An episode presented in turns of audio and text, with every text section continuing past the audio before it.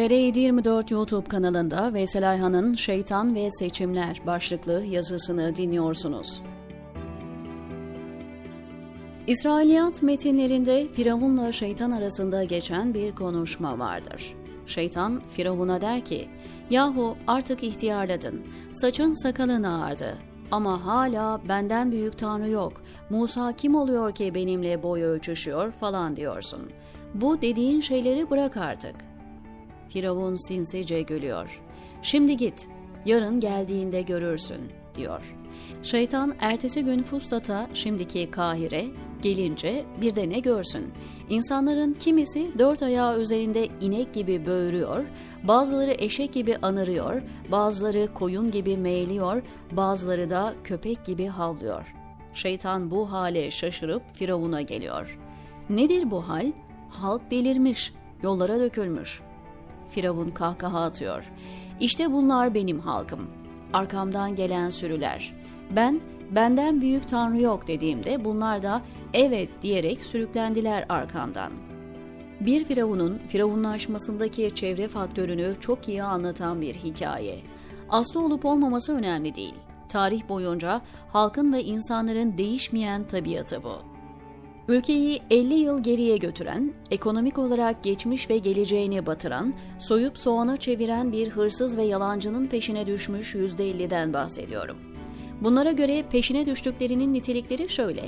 Genel Başkanımız ve Başbakanımız bizim için adeta ikinci peygamberdir. Allahu Teala'nın bütün vasıflarını toplamış bir lider var. Ona dokunmak bile ibadettir. Başbakanın sözü peygamber sünnetidir. Falan şekilde görsem bile suç karımdadır. O bizim atamızdır. Halife-i ruhi zemin. O bizim anamız, babamız, kocamızdır. Bunu iyi bilin. İthal bir otomobili yerli sanıp aç karnına beni çiğnesin diyen önüne yatanlar. Davul zurna eşliğinde ilçe girişinde karşılayanlar. Televizyon dizisini elinde kılıç kalkan izleyip hamle sırası bekleyenler halk değişmiyor. Peki bir halk nasıl bu hale gelir? Kur'an'da Allah onların kalplerini ve kulaklarını mühürlemiştir. Gözlerinde de kalın bir perde bulunmaktadır ayeti var. Bunlar sağırdırlar, kördürler ve dilsizdirler denir. Bu ayet insanların iradelerini ellerinden almayı ifade etmez. Yapılan davranışlarla körleşmeyi, sağırlaşmayı ve kalpsizleşmeyi hak edişi anlatır. Yaklaşık 10 yıldır korkunç bir zulüm yapılıyor. Bebekten yaşlıya, hastalardan hamile kadınlara. Hitler dönemi hariç 100 bine yakın kadının gözaltına alındığı, tutuklandığı bir tarih dilimi yok. Farklı zamanlarda binden fazla bebeğin zindan betonlarında büyüdüğü bir dönem olmadı. Zulüm, kanser hastası çocuklara ulaşmış. Bu dönemin zalimleri mahşerde yargılandığında bu zulmün yapılmasına onay veren yani oy veren insanlar da yargılanacak. Zulmün aktörlerine %50 oy veren bir halk var. Bu akıl almaz bir ekseriyet. Kur'an'ın bu ayetlerini göz ardı ederseniz anlamak mümkün değil. Ekonomik kriz ülkenin gelecek 10 yıllarını bile etkileyecek kadar vahim. Ailesini geçindiremediği için intihar edenler var. İnsanlar kar yağışında ucuz ekmek kuyruğunda. Kasaptan ancak 50 gram et alanlar var. Tepesinden en alttaki ilçe yöneticisine kadar tüm kadrolar boğazına kadar yolsuzluğa batmış. Depremde 3 gün yardım geciktiği için yakınları göz göre göre ölen on binlerce insan var. Binlerce cenaze enkazda. Tüm bunları unutup seçim gecesi havai fişekle sevinç gösterisi yapan depremzede bir halk var. Siyaset bilimcilerin ve sosyologların pabucunu dama attıran bir halk. Rahmetli Süleyman Demirel'in boş tencerenin yıkamayacağı iktidar yoktur sözünü ıskartaya çıkaran bir halk. Bu halkı ancak Kur'an'ın körleşmiş, sağırlaşmış ve kalpsizleşmiş sıfatlarıyla anlayabiliriz. Bu halk körleşmiş, önündeki lidere tapan Firavun halkından farklı bir halk değil. Böyle tarihi bir zulmü alkışlamış ve oy vermiş %50'ye yakın çoğunluğun bunlara aktif zalim diyebiliriz. Ve yapılanlara sessiz kalmış diğer %50'ye yakın topluluğun bunlara da pasif zalim diyebiliriz tüm bu kitlelerin bedel ödemeden, tövbe etmeden gözünün açılması mümkün değil. Bir insan zalimse veya zulme seyirci olduysa öncelikle bunun bir zulüm olduğunu fark etmesi gerekir. Tövbe etmeden o insanların gözünün açılması mümkün değil. Tövbe ve pişmanlık affedilme belirtisidir. Peki o coğrafyada külliyet kesbetmiş bir pişmanlık belirtisi var mı? Yok. Pişmanlık bir lütuftur. Gözün açılmasını ve hakikati görmeyi ifade eder. Ama bu da liyakat ister. O insanların hak ve hakikati görmeye liyakat kazandıklarını gösteren bir belirti var mı? Gözlerinin açılmasını, hatalarını fark etmelerini sağlayacak bir bedel mi ödediler? Bu olmadıysa kalplerdeki mühür nasıl çözülsün? Bilakis zulüm fasılasız devam ediyor. Halkın kahir ekseriyeti zulme suskunluğunu devam ettiriyor. Bu nedenle de körlük ve zulme payandalık aynı düzeyde sürüyor. Tüm bu realiteler ortada dururken Twitter gezegeninden dürbünle Türkiye ile ilgili analiz yapmak benim de içinde olduğum bazı insanları boş yere ümitlendirdi. Yanlış olan zulmün bitişini pasif zalimden beklemek. Her şey acı sürprizlerle başladı. Düzelme de muhtemelen tatlı sürprizlerle olacak. Teşbihte hata olmasın. Size bir köpek saldırırsa ne yaparsınız? saldıran köpekle iletişim mi kurarsınız? Veya kenarda o saldırıyı izleyen diğer köpeklerden sizi kurtarmalarını mı beklersiniz? Doğru olan o köpeğin tasması elinde olan sahibine dönüp seslenmektir. Çünkü köpek köpektir. Sizi duymaz, sizi anlamaz, kalp taşımaz. Sahibi izin verdiği sürece sizi ısırmaya devam eder. Köpeğin sahibi dururken köpekle didişmek rasyonel değildir. Önce coğrafya isimlendirmemizi tahsih etmek lazım. Türkiye toprakları zulüm gören Uygurların topraklarından farklı değil. Yaşananlara baktığınızda Anadolu için şu an Çin tasallutundaki Uygur özerk bölgesi toprağı desek veya Kuzey Kore toprağı desek yanlış olmaz. Filistinliler İsrail zulmü altında inliyor. Orada zulüm gören masum Filistinli bizden farklı değil. İğreti bir şekilde tutundukları o mazlum topraklarda bizim toprağımız gibi. Anadolu'nun mazlum kısmı öz yurdunda garip, öz vatanında parya olan bir halk. Yani Anadolu toprakları vaktiyle Hitler zulmü altında inleyen Almanya, şu an Çin zulmü altında kıvranan Sincan'dan farksız. Hizmet gönüllüsü etiketi Türkiye'de artık yok edilmesi mübah, kırmızı boyayla işaretli bir düşman yaftasıdır. Bu ne zaman değişir bilmek mümkün değil.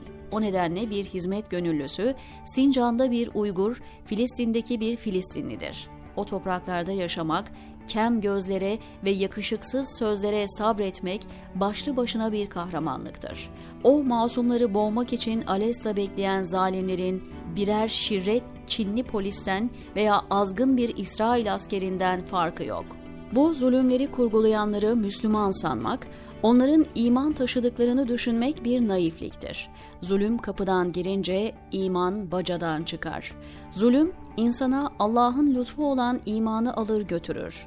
Öz vatanında parya olarak yaşanılan o topraklarda yapılacak en önemli iş masum ve mağdurlara sahip çıkmaktır. Zalim Allah'ın kılıcıdır. Onunla intikam alır. Sonra döner ondan intikam alır. Siyasete kurtarıcı diye bel bağlamak Allah'a karşı saygısızlıktır. Zalim vakti gelince tuz buz olacak Allah'ın kılıcıdır. Gidişatı değiştirmek için siyasete mi girmek lazım? Hizmet gönüllüleri tanımı geri. Hizmet gönüllüleri tanımı gereği nübüvvete veraset mesleğini temsil ediyor.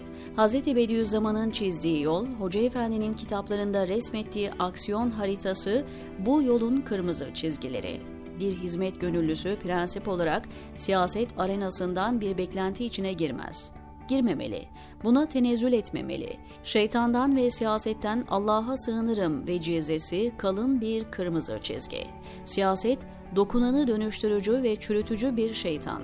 Varsa bu dönüşüme meydan okuyan birileri onlar siyasete girebilir. Ama girmeden önce hizmet gönüllüsü urbasını çıkardıklarını cümle aleme deklare etmeli. Çünkü bir hizmet gönüllüsü muvafıkına ne kadar mesafedeyse muhalifine de aynı mesafede olmalı. Siyaset buna manidir. tebliğ ve temsile engel olur. Siz siyasi iltisak içine girdiğinizde muhalif parti seçmeni sizi normal olarak düşman kabul eder. Siz kimseyi hizmete, nübüvvete veraset yoluna düşman edemezsiniz. Sizi düşman mevziinde gören, sizden siyasi hamle bekleyen insanlar kendilerini ister istemez dine karşı konumlandırmış olur. Kimsenin buna hakkı yok. Bir hizmet gönüllüsü için siyaset sandık başında başlar, mühür basınca biter. Sincan'dasın, aktif zalime karşı mecburen pasif zalimi tercih sorumluluğunu yerine getiriyorsun ve getirmek zorundasın. Bunu yaparken de fazla ümit beslemezsin. Çünkü Allah'tan başkasına ümit bina edilmez. Mesleği gereği siyasetle ilgilenen gazeteci ve siyaset bilimci bunun doğal istisnası.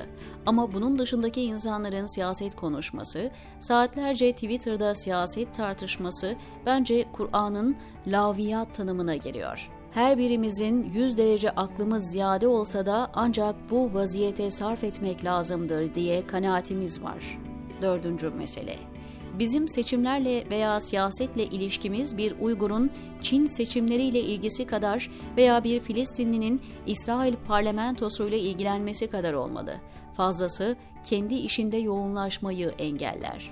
Çocuklarınız olsa sizin onlara olan merhamet ve şefkatinizi bir yabancının taşıması mümkün mü? Değil. Peki sizin yanınızda sizin çocuklarınızın sahipsizliğine sürekli vurgu yapılması neye sebep olur? Öfkenizi celbeder. Mağdur veya mazlumlar yaşadıklarını Allah rızası için çıktıkları yolda yaşadığı ve halen yaşıyor. Ne çekiyorlarsa Allah'tan dolayı çektiler. O yüzden Allah'ın teminatına namzet ve müştaklar. Allah'ın o mazlum ve mağdurlara kurbiyeti bir annenin evladına olan yakınlığından çok daha fazladır. Yıllardır hücrelerinde çile çeken kadınların sahibi Allah. Koğuşlarında ıstırapla inleyen hastaların vekili Allah.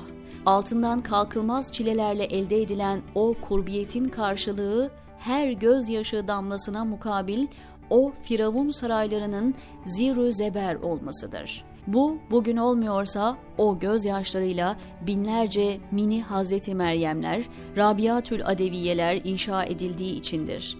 Binlerce küçük Hazreti Yusuflar bina edildiğindendir. Mazlum ve mağdurların varlığı bizim için birer imtihan sorusu.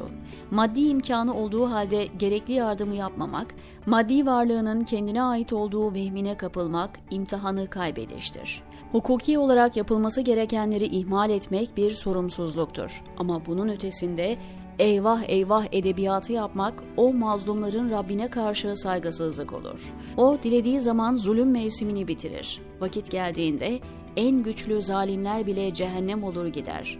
Tıpkı önceki yüzlerce Nemrud'un gittiği gibi. Bize düşen o güne kadar tevekkül ve teslimiyetle Allah'ın kazasına sabretmek, hikmetini görmeye çalışmaktır. Yazıyı Ahmet Altan'dan kısa bir alıntıyla bitireyim. Ey kavmim! Sen ki peygamberlerini bile dinlemedin, beni hiç dinlemezsin. Dönüp de bakmazsın ölülerine. Ağıtları sen yakarsın ama kendi kulakların duymaz kendi ağıdını. Bir koyun sürüsünden çalar gibi çalarlar insanlarını ve sen bir koyun sürüsü gibi bakarsın çalınanlarına. Her kuytulukta bir çocuğun vurulur. Aldırmazsın. Utancı bilir ama utanmazsın. Bütün seslerin arasında yalnızca kırbaç sesini dinlersin sen. Hazreti Hüseyin'in kellesini vurmaz ama vuranı alkışlarsın. Hazreti Ömer'i bıçaklayan ele sen bıçak olursun. Ey kavmim! Sen ki peygamberlerini bile dinlemedin, beni hiç dinlemezsin.